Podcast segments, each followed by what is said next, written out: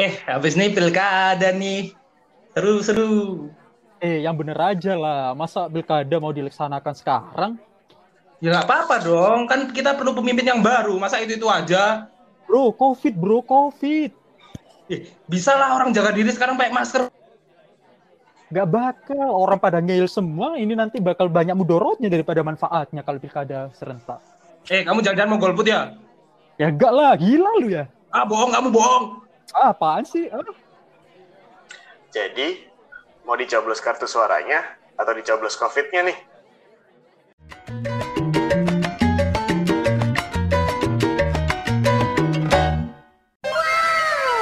Oke, selamat malam teman-teman semuanya. Ah, balik lagi Halo. sama Halo. balik lagi sama di Spotlight malam. episode 2. Sini kita bakal bahas hal yang baru nih. Di terakhir kemarin, di episode pertama podcast kita, kita bahas pidana untuk kata anjay.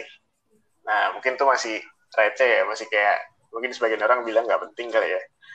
kita jadi naik ke level berikutnya, kita agak lebih serius. Jadi, eh, kali ini kita akan bakal bahas mengenai isu pilkada di tengah pandemi. Mungkin ini bakalan agak ramai ya, ada banyak pro kontra, ada yang bilang lebih baik kita pilkada, ada yang bilang ditunda dulu. Eh, Banyak sih pendapat yang udah beredar di masyarakat, di kalangan pejabat sendiri pun masih ada indikasi ketidaksamaan nih pendapat terkait eh, sikap mereka apakah tetap akan mengadakan pilkada atau tidak.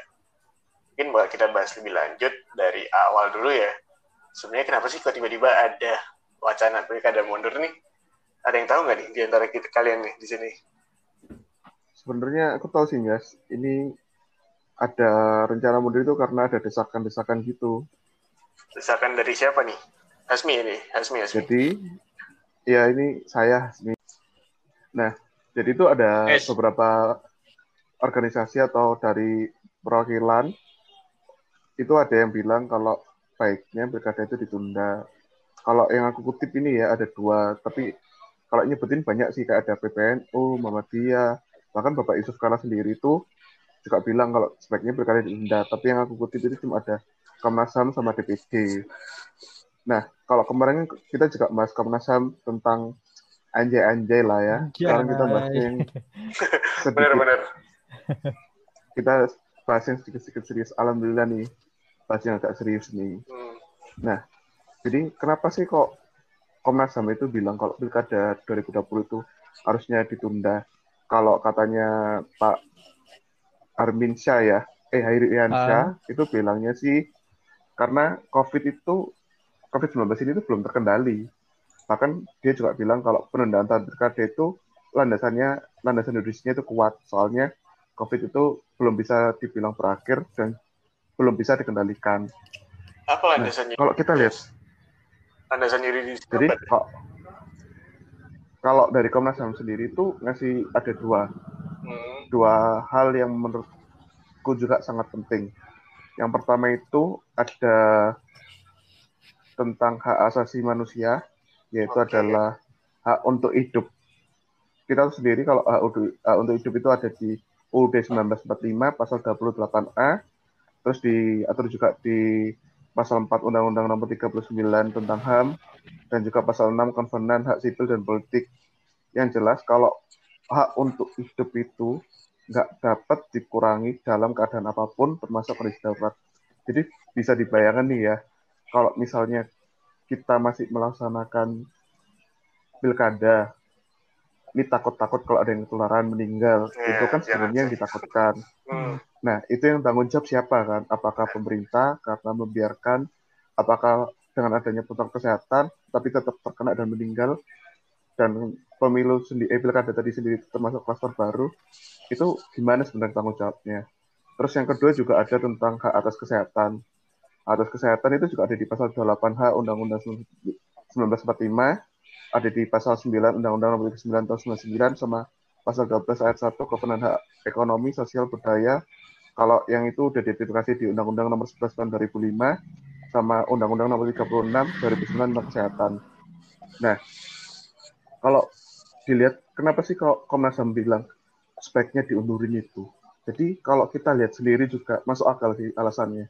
pertama kan udah dibilang kalau emang COVID-19 ini sendiri belum bisa dikendalikan, bahkan bisa dikatakan jauh.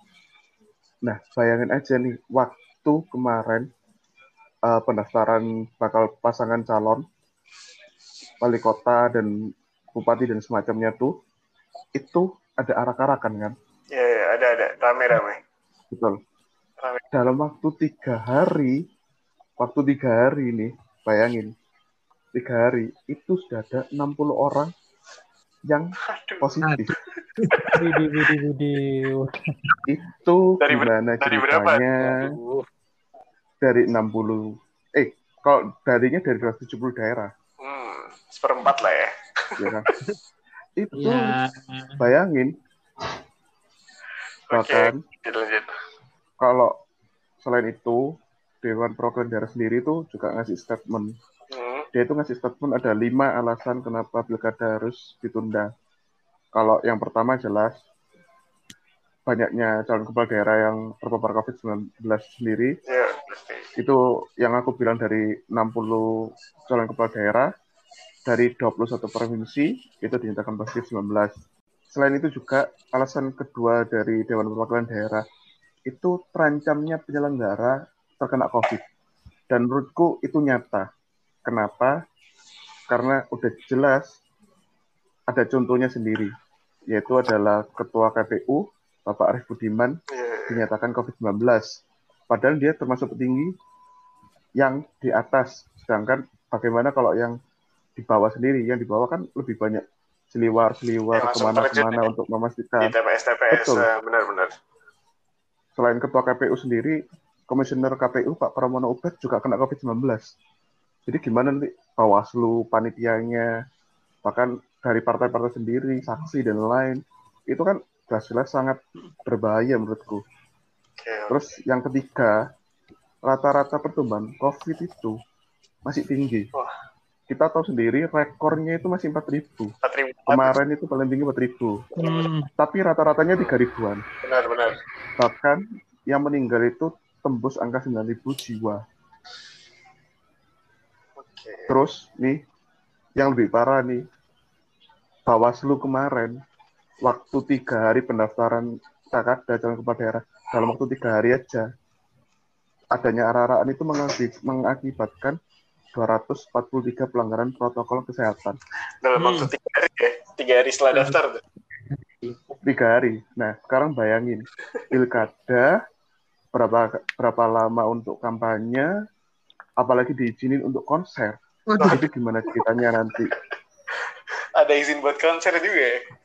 iya, iya. Nah, gimana itu nanti? Bisa ditanggapi lah sama teman-teman nanti ya kan? Hmm, Nah, yang terakhir nih, ini kalau aku sih menurutku penting banget juga sih. Terakhir itu karena masih banyak daerah itu cuma punya satu calon kepala daerah aja. Jadi Oh. mereka itu nanti lawan kotak kosong.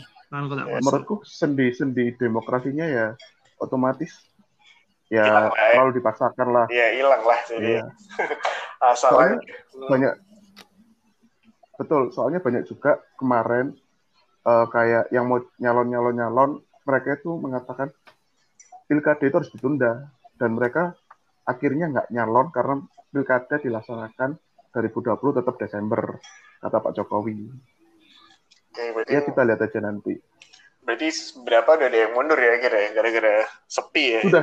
Sepi. Oke. betul hitungannya ya sepi lah itu Terus saya mundur sebenarnya rasional juga ya. Kalau dipikir-pikir sih. nasional yang mundur yang rasional sebenarnya. Oke. menurutku yang mundur yang rasional Iya, iya. Iya. Eh, tapi aku ada ini sih. Has, aku nemu eh, di internet. Jadi ada katanya Pak Kartio, Kartosius Sinaga di webinarnya iNews. Dia itu malah memberikan alasan kenapa pilkada harus dilakukan. Ada lima juga. oh silakan Eh, jadi yang pertama adalah keputusan politik bersama antara KPU, pemerintah, dan DPR RI atas opsi yang ditawarkan oleh KPU. Itu ada tiga, Desember 2020, Maret 2021, dan September 2021. Terus yang kedua, sebagai etalase atau wujud kedewasaan bangsa Indonesia dalam berdemokrasi. Yang ketiga, di, di dunia internasional, keberlangsungan pemilu secara terjadwal menjadi pemilu indeks demokrasi untuk menentukan uh, investor yang masuk. Yang nomor empat adalah mengurangi praktek kepemimpinan uh, sorry mengurangi praktek kepemimpinan pemerintahan daerah yang terlalu banyak dipimpin oleh pejabat sementara atau PLT. Terus yang terakhir, katanya pilkada langsung serentak 2020 ini itu ajang atau wahana untuk menerapkan kultur baru atau new normal life yang produktif aman COVID-19. Gitu katanya. Pro-nya itu seperti itu. Ya. Kalau menurut saya ya, Din, menurutku sendiri nih, ya kan. Uh, katanya itu kan kesepakatan politik bersama. Nah, kalau kita tahu sendiri, kesepakatan politik bersama itu bisa jadi tertuang di Perpu nomor 2 tahun 2020 di mana pilkada pilkada ini sendiri sebenarnya udah diundurkan jadi Desember, betul kan? Jadi pilkada Desember ini sebenarnya udah mundur. Nah, kalau emang udah ada yang tahun 2021, terus ada bulan apa Maret ya tadi? Iya, ada Maret.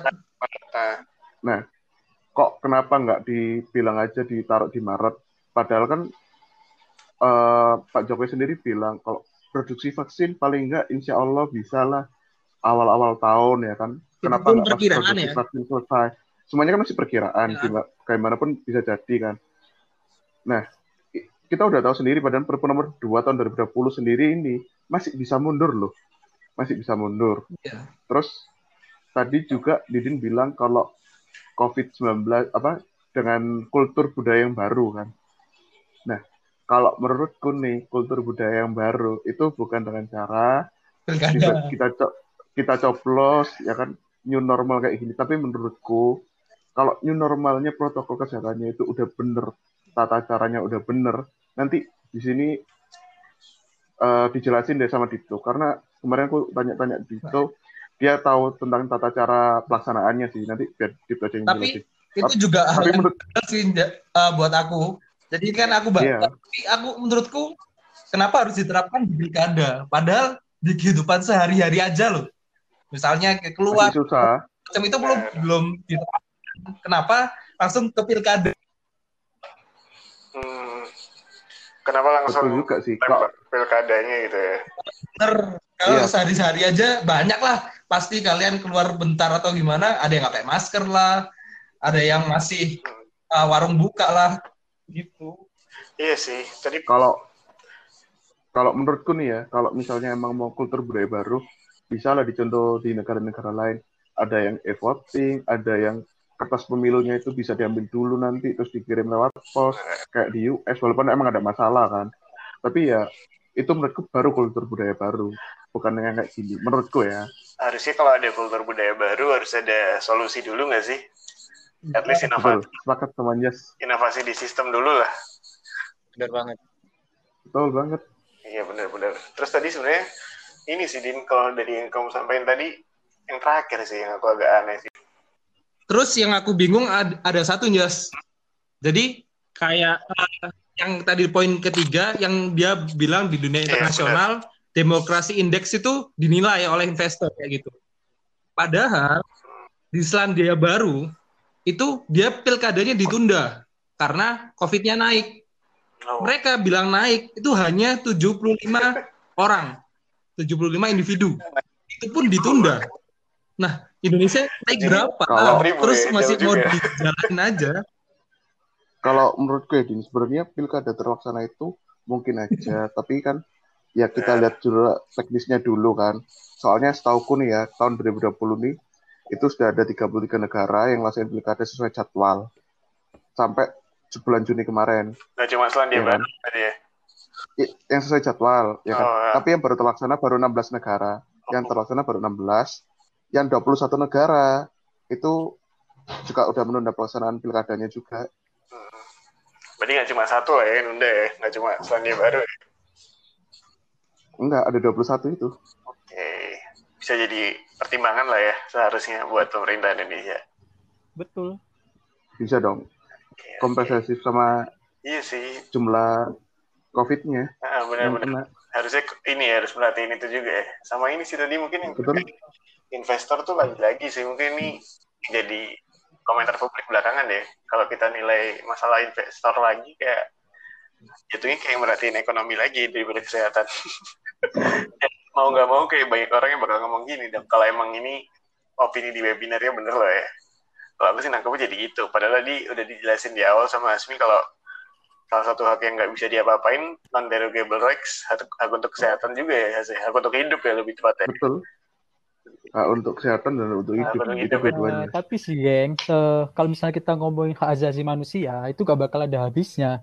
Kalau misal kita ngomongin hak untuk hidup, nah sementara ada pihak lain uh, yang menyatakan bahwa pilkada harus tetap berlangsung. Lah, mereka beranggapan bahwa ini hak saya untuk memilih dan dipilih. Ini hak saya untuk berserikat maupun berkumpul. Jadi kalau misal kita ngaitkan dengan HAM, sebenarnya nggak ada habisnya. Ya, ini di luar konteks uh, ada COVID maupun enggak loh ya. Iya, iya betul betul. Tapi emang Hmm, lupa sih belajar di mana ya. Pernah dengar juga sih emang nggak sih kalau misalnya uh, pemenuhan HAM tuh sebenarnya nggak boleh pilih-pilih sih. Nah, kalau mau iya. menuin ya harus semua. Tapi ya itu memang namanya juga Komnas HAM ya. Wajar aja kalau mereka harus mendasari uh, keberatan mereka dari salah satu hak asasi manusia. Akhirnya juga gitu kan pada prakteknya ya. Ya kita bisa mewajari aja sih kalau itu. Cuma lanjut Kalau- tadi kali ya. Menurutku ini ya, Ya, es. kalau menurutku yang dibilang main itu ada benernya juga, tapi menurutku hak untuk berpendapat, hak untuk berkumpul itu sebenarnya ditunda, bukan nggak dilaksanain. Menurutku kan kita bilangnya menunda pilkada, bukan tidak melaksanakan pilkada. Di realign lah ya. Apa? Nah. Di, Ya bisa buat pertimbangan lah. diatur lagi lah. Iya betul. Nah, diatur lagi prioritasnya lah di tengah kondisi kayak gini. Cuma emang ya nggak semua orang bakal mikir kayak gitu sih. Pasti ada yang tetap harus dilakukan karena itu emang dasarnya juga haknya mereka Iya. sih. Itu Betul juga. opini yang bagus ya. Oke, mungkin lanjut ya teman-teman. Ini Ya, kan ada satu poin tadi nih dari Didin yang mungkin belum kebahas. Salah satunya nomor empat tuh eh, mengurangi praktek kepemimpinan pemerintahan daerah yang terlalu banyak dipimpin oleh PLT. Mungkin pemikiran ini kan terkait ini ya kalau misalnya pilkada yang kita tunda lagi, nah daerah-daerah yang tadinya harusnya pilkada nih dipimpin siapa nih? Kan salah satunya mungkin ada kepikiran PLT. Cuma apakah praktek kepemimpinan oleh PLT itu benar atau enggak? Mungkin kalian ada yang punya pendapat teman-teman terkait hal ini. Nah, itu juga sih Jas yang aku mau omongin. Eh, kebetulan yang aku baca kemarin eh, pada Pilkada serentak 2020 ini terdapat 270 daerah yang menyelenggarakan eh, kontestasi politik ini. Nah, kalau seumpama eh, Pilkada ini ditunda yang awalnya September, ini kita tunda ke bulan Desember, lalu ditunda lagi sampai kapan? Maka 270 daerah ini dipimpin sama siapa? PLT. Di masa krisis ini, PLT itu nggak sepenuhnya kewenangannya seperti pejabat definitif. Bayangin coba kalau semisal 270 daerah dipimpin oleh PLT. Pada tahun 2017, Pilkada serentak, itu juga terdapat eh, 7 PLT gubernur dan juga 39 PLT wali kota serta bupati. Dan pada faktanya, akhirnya eh, para pejabatnya ini melempem semua. Kebijakan-kebijakannya akhirnya jadi nggak karuan deh. Itu yang aku khawatirin juga. Berarti eh, salahnya itu di cuma kualitas itu sih, sumber daya Eh, manusianya gitu ya. juga kita ngomongin sumber daya PLT manusia ini. ketika SDM-nya bagus, tapi kewenangannya terbatas itu kan percuma. Karena kan PLT kan terbatas juga untuk kewenangannya. Oke. Oke oke. Berarti eh, poin yang main tadi ya, kalau misalnya semua dipimpin sama PLT, bahaya juga ya, karena kewenangannya juga terbatas ya. nih. Nah, itu. Oke. Oke. Ya, yang lain mungkin ada yang mau nanggepin nih, teman-teman. Setuju nggak sih sama main? Apa emang seburuk itu nih kalau misalnya Oh. pilkada harus ditunda sampai dipimpin Ah. PLT dulu? Jadi dilema banget ya jatuhnya kayak kalau misalnya dilakukan takut protokol kesehatan, tapi kalau misalnya nggak dilakukan masalahnya ke pemerintahannya gitu ya. Nah, itu benar sekali, Din. Dan kita juga nggak tahu nih, COVID ini sampai kapan. Siapa sih yang bisa memprediksi COVID ini bakal selesai minggu depan, hari ini, bulan depan, ataupun tahun depan? Kan nggak ada yang bisa. Yang bisa bisa ngomong, nih COVID berakhir pada bulan ini. Pada faktanya, para ilmuwan, para siapa pun, pejabat, dan lain sebagainya, itu salah memprediksi.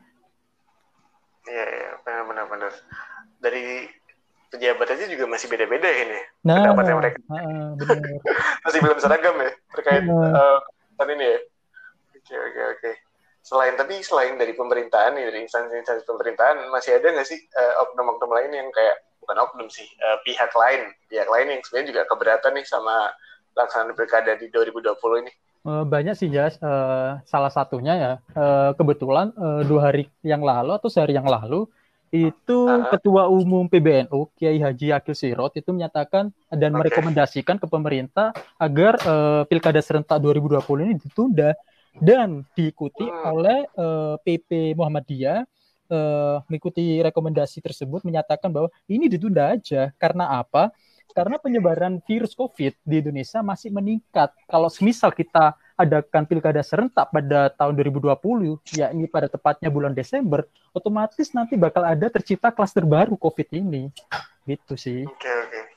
Jadi selain tadi Komnas HAM sama DPD ini ada ormas ini ya NU sama Muhammadiyah sepakat ini ya buat Apalagi mereka ini yang merekomendasikan dua ormas besar yang uh, istilahnya uh, basis masanya sangat kuat di Indonesia. Iya iya benar benar benar. Oke oke. Terus responnya pemerintah nih sejauh ini gimana ya? Jadinya lanjut apa enggak nih? Uh, Fazlur Rahman selaku juru bicara presiden menyatakan uh. sih uh, bahwa pilkada akan sesuai jadwal yakni pada tanggal 9 Desember 2020. Tapi uh, kebetulan barusan saja dikonfirmasi oleh uh, tenaga ahli kedeputian kantor staf presiden yakni Pak Doni ah. Gahral Adia menyatakan bahwa okay. pemerintah bakal mempertimbangkan mengenai usul atau rekomendasi dari PBNU dan Muhammadiyah. Tapi ini kan jadi tanya uh, tadi jadi tanda tanya lagi. Yang namanya yeah, yeah, pemerintah itu kan istilahnya menyatakan statementnya uh, selalu diplomatis supaya yeah, bisa bahkan, me, apa mendamaikan semua pihak atau apalah. Nggak bisa kita kesannya ya. kesannya bertolak belakang juga sih ini awalnya mau bilang tetap langsung tanggal 9 tapi sekarang mempertimbangkan rekomendasi nah, mundur ini ya? oh. Main sih kan? Aduh jangan deh jangan bilang main sih mungkin memang perlu dipertimbangkan belum tegas belum tegas. Mungkin memang banyak yang harus dipertimbangkan. Ya agak lucu sih tapi ya namanya juga pemerintah mungkin banyak yang harus dipikir. Nah kalau misalnya nih emang harus betul juga. Kalau misalnya nih emang harus lanjut karena ini juga pernyataan terakhir sebenarnya dari juru bicara presiden katanya tetap ya tetap tanggal 9 Desember 2020 itu nanti pelaksanaannya gimana ya? Kayak teknisnya mungkin kayak secara dasarnya ada yang tahu nggak sih nanti pelaksanaan pilkada kali ini tuh bakal kayak gimana? Nah iya Jas, aku mau nyambung pembicaraan ini. Nah kemarin itu aku udah searching-searching sih tentang hmm. gimana sih pelaksanaan pilkada ini selama pandemi. Nah, itu dari KPU sendiri itu sudah mengeluarkan namanya peraturan PKPU, peraturan KPU nomor 5 tahun 2020. Nah, di PKPU tersebut itu sudah diatur kalau misalkan pilkada sudah fix menjadi 9 Desember. Itu diatur di pasal 8. Nah, di pasal yang sama juga diatur kalau misalkan pilkada ini tetap memperhatikan protokol kesehatan. Jadi eh, protokol kesehatan yang di peraturan Kementerian Kesehatan itu tetap dilakukan yeah. seperti kayak pemakaian hand sanitizer, yeah, terus uh, social distancing, cek suhu badan, kan, itu sih itu tetap dilaksanakan. kesehatan ya yang penting. Iya. Oke oke. Passwordnya magic word sih. Siap, siap, siap. Tetap memperhatikan protokol kesehatan. ya. Cuman di oh. PKPU itu belum detail pak, belum detail tentang bagaimana prakteknya di lapangan. Jadi untuk detail teknisnya itu di PKPU itu diatur kalau misalkan uh, muncul PKPU baru lagi yang lebih hmm. detail itu di bulan November, November tanggal 30. Ya? Amin. Itu. Uh, bukan masih lama ya sih? Amin satu ya, masih lama. Tanggal ini ya, tanggal pelaksanaan berarti. Amin satu minggu dua minggu lah. Betul. itu apa nggak kelabakan itu nanti panitia anunya mepet banget ya panitia pemilunya yang di RT RT itu tadi peraturan tadi nah tapi uh, sebenarnya kalau misalnya tetap dilanjutin pun ya, walaupun udah ada password tadi kan, udah ada magic word juga nih, eh, kira-kira masih ada dampak apa nggak dampak buruk nggak sih nih yang bakalan timbul nih misalnya tetap ngelakuin pilkada tuh kira-kira bakal terjadi apa ya, Dib ya? Ya, kalau menurutku sih dampaknya ada dua. Pertama dampak ke proses pilkadanya, yaitu eh, apa namanya prosesnya akan jauh lebih lama. Nah ini aku mau ngomong gini soalnya aku juga baca-baca ini di apa di media Kompas itu ternyata KPU sudah melakukan ini simulasi pemungutan suara. Nah, dari yang awal misalkan standarnya kalau nggak ada COVID itu dari jam 7 sampai jam 1 siang itu biasanya satu TPS itu ada 500 pemilih. Nah, kalau misalkan pakai protokol kesehatan itu menjadi 240 orang aja. Nah, itu kan tentu kalau misalkan tetap dipaksain kalau misalkan ya, mau benar. 500 pemilih kan harus minimal dua hari. Dan itu tentu juga akan menghabiskan biaya sih, biaya negara, terus iya, iya. banyaklah dampak-dampak yeah, negatif lainnya. Lebih lama ya. Lebih molor kan soalnya. Tuh. Ya, dan dampak yang lain tentu dampak kesehatan. Karena kalau misalkan 500 pemilih itu dipaksain tetap hari itu juga, nah itu pasti akan ada peluang tinggi sih klaster COVID itu ada kluster, lagi baru ya nanti di ya? pilkada ini. Gitu. Oke, gimana nih teman-teman? Ada yeah. yang mau nanggepin gak nih? Serem juga berarti ya kalau dipikir-pikir. Oke, uh, tapi kalau misalnya aku, aku lebih ke itu sih, ke efektivitas pelaksanaannya kayak uh, kondisi kayak gini, banyak lah yang mau uh, berkumpul seperti itu dan untuk nyoblos gitu loh. Nah, itu ya, juga pasti jadi pertimbangan ya. Hmm. hmm, pasti ya. Bener itu banyak takut. Nah, aku ada tanggapan lain nih, Yes. Iya, yeah, apa nih? Apa nih? Apa nih? Nah, kan aku waktu pemilu dari 19 ikut nyoblos hmm. ya. Nah, aku itu sempat lihat di Kompas kalau nggak salah, itu kalau di KPU kan ada refleksi hasil penyelenggaraan pemilu serentak 2019. Okay. Ini ya, bisa dibayangin ada 894 petugas yang meninggal dunia Waduh. waktu pemilu 2019. Dan ada 5.175 petugas mengalami sakit. Hmm, okay, okay. Itu dalam keadaan biasa. Yeah, yeah, benar, Itu pemilu serentak. Jadi bisa dibayangin dong nanti kalau misalnya ada COVID dan ada apa-apa. Hmm. Yang meninggal aja kemarin dari 19 894. Yang sakit 5.175. Ya bisa lah itu buat pertimbangan nanti seharusnya. Tanpa kondisi pandemi ya sebanyak itu ya sih. Iya betul. Oke okay, oke. Okay. Menarik sih aduh bingung juga jadi makin, makin bingung nih enaknya enaknya mau lanjut apa enggak ya ada ada banyak pertimbangan sih uh, mungkin banyak banget. tadi kan juga dari sebutin nih uh, dampak-dampak ya dari Dipto tadi. Terus saya sama teman-teman tambahin juga ada beberapa dampak. Aku yeah. punya pandangan sendiri sih. Mungkin terkait respon itu tadi ya ngerespon kamu juga kali Dip ya. Terkait dampak-dampak itu tadi. Terus harus gimana ya kalau misalnya tetap bakal lanjut gitu? Nih pilkada tetap tanggal 9 Desember 2020 yang ya kalau kita lihat-lihat kayak belum belum selesai juga kan ini kalau covid kayak nggak mungkin selesai lah ya tanggal 9 Desember 2020 pesimis banget sih tapi ya udahlah. Jadi, uh, jadi kalau menurutku uh, cukup tiga sih. Uh, aku ada tiga pendapat utama sih. Kalau misalnya emang mau tetap lanjut di tanggal 9 Desember 2020 yang kemungkinan besar masih ada COVID, um, semuanya harus tegas, tapi juga sadar diri.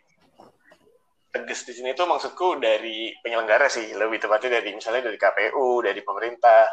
Kalau misalnya emang ingin tetap nih, tetap maju, tatak kita tetap ngelakuin ini, uh, at least ada ketentuan tambahan lah terkait sanksi-sanksi yang mungkin bisa uh, bikin peserta di calon peserta pilkada nanti ini lebih mikir-mikir gitu loh buat ngelakuin kegiatan yang melanggar protokol kesehatan. Tadi di awal juga udah dibilang kan kalau berapa dia 240 ya deh, pelanggarannya. Iya, segitu Sekitar 200 lebih ya, apa, pelanggar protokolnya di pelanggaran protokol terjadi. Ada 243. 243 dalam tiga hari doang gitu ya, yang ketahuan. Dalam tiga hari. yang ketahuan dan itu cuma dan itu cuma buat pendaftaran aja buat pendaftaran aja dan itu udah 60 calon langsung positif yeah. katanya ya nah itu aja udah jadi bukti kalau misalnya betul itu belum iya. Belum konser itu kan Jas iya aduh konser, konser. baru arak-arakan daftar ya jadi yeah. kangen iya. Jadi, uh, bisa kayak gini. Jadi kalau emang mau dilanjutin, sebenarnya yang penting di sini dari penyelenggara juga harus bisa lebih tegas nih kalau menurutku ya dari pemerintah. Entah kan belakangan ini juga sempat ini nih sama ini kalau misalnya Presiden Jokowi di, di Presiden Jokowi ditekan terus buat bikin perpu terkait pilkada ini. Intinya buat kasih dasar sanksi-sanksi buat pelanggar protokol kesehatan. Nah, tapi kan uh, perpu kalau misalnya sependek pengetahuanku ya, itu juga atas kondisi tertentu kan. Jadi nggak asal aja tiba-tiba ngeluarin perpu. Mungkin selain itu bisa aja dari KPU ngeluarin peraturan KPU yang lebih rigid. Ya mungkin tadi udah dijelasin Dipto di November ya dia baru keluar ya. Lebih rigid ya sudah kita mungkin bisa ya, berharap ya, di peraturan yang bisa November. rigid tapi kalau November kayaknya konsernya udah lewat sih konser sebelum itu ya. konsernya pasti sebelum itu udah mulai belum ada peraturan ya. Tapi uh, tapi gini sih uh, terlepas dari pemerintah yang memberikan sanksi membuat aturan dan lain sebagainya hmm. sebenarnya uh, titik acuannya itu ada di kita sebagai masyarakat. Kita ini sadar gak sih? Peka gak sih? Sepat uh, kalau COVID ini bahaya, kita nggak bisa menggantungkan bener, bener, pemerintah. Uh, sanksi yang tegas, kasih ini sanksi yang tegas karena melanggar protokol. Nggak bisa kalau misal masyarakatnya tetap ngeyel, nggak bisa peka, nggak punya kesadaran, ya sama aja.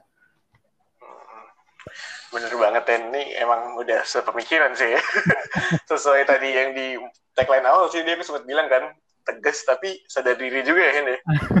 yang penting kita sadar diri nih terutama dari ya mungkin ter, ter, selain kitanya mungkin dari peserta pilkada nih yang nah. besok-besok bakal jadi pemimpin lah ya jadi pemimpin kita di wilayah kita masing-masing. Harus bisa harusnya bisa contoh. harusnya bisa kasih contoh nih. Nah benar dan itu aku pribadi ya nih aku pribadi saya sangat sayangkan sih kemarin kenapa pendaftaran bisa sampai terjadi arak-arakan serame itu. Aduh apalagi Surabaya. Iya, Surabaya rame kan. Padahal aku juga udah lihat kalau di peraturan KPU itu udah diatur kalau pendaftaran tuh nggak perlu ada kayak gitu-gitu.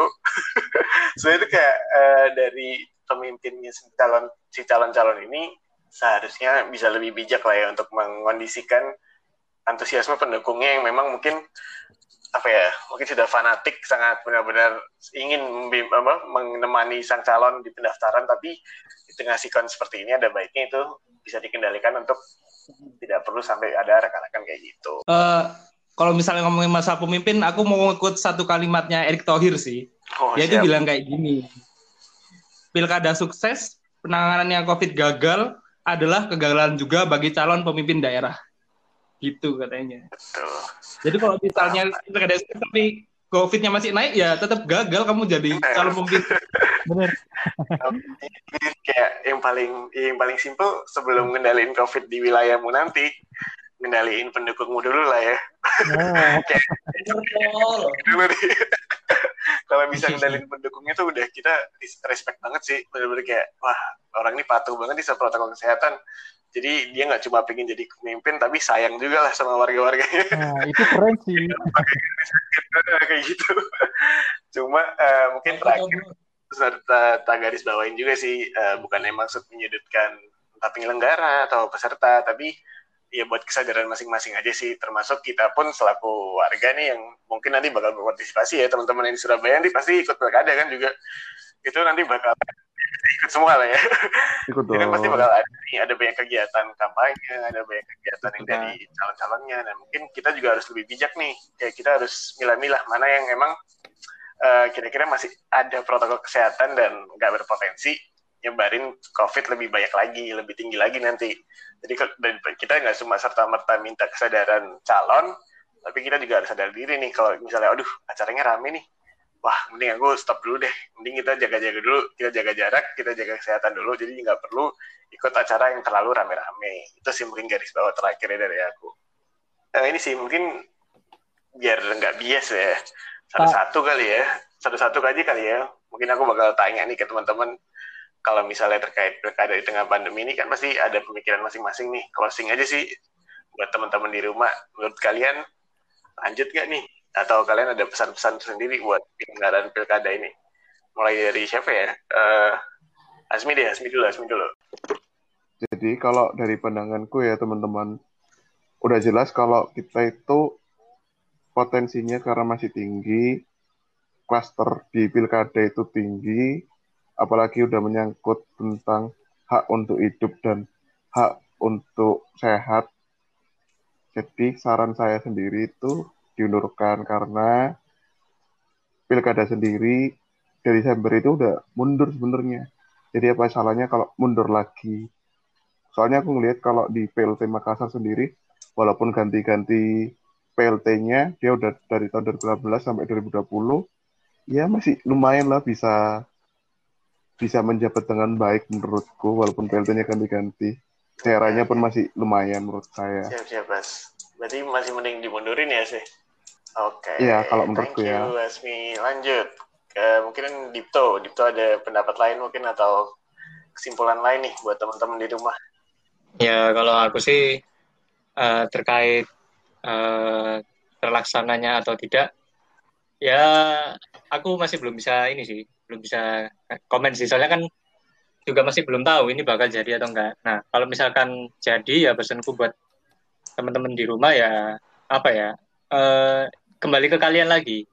Kalian misalkan mau memilih ya harus memperhatikan protokol kesehatan. Tapi kalau misalkan kalian golput, eh itu golput tetap hak atau bukan? Tidak mengambil hak. Iya, itu masih debatable. Itu juga debatable Iya, kan. Oke, oke. Golput itu pilihan atau enggak itu kan masih debatable kan. Oke, oke. Nah, gitu. Tapi kalau misalkan buat pemerintah, aku setuju sama teman-teman semua kalau misalkan harus benar-benar tegas sih dalam pelaksanaan pilkada ini. Nggak bisa kalau misalkan setengah-setengah. Karena resikonya jauh lebih tinggi daripada pilkada yang kemarin. Pilkada yang kemarin aja banyak korban jiwa, apalagi Waduh. sekarang. Bahkan mungkin bisa lebih tinggi Siap, lagi. siap, siap, siap. Itu. Oke, mungkin lanjut eh, Didin. Gimana, Din? Kalau misalnya dari aku sih balik ke setiap individunya, entah itu pemimpin ya, calon pemimpin atau mendukungnya, tetap melihat gimana kondisi sekarang. Nggak usah jauh-jauh ke pilkada, ke keseharian kalian udah kalian jaga belum? Kalau misalnya kalian udah merasa jaga, coba dilihat di pilkada nanti, terapkan dengan baik dan pasti masyarakat juga bisa kok memilih pemimpin mana yang kira-kira eh, me- bisa ke depannya baik dari pilkadanya sen- sendiri kayak gitu. Jadi tetap jaga kesehatan. Oke. teman. Oke, thank you Didin. Last nih, main-main.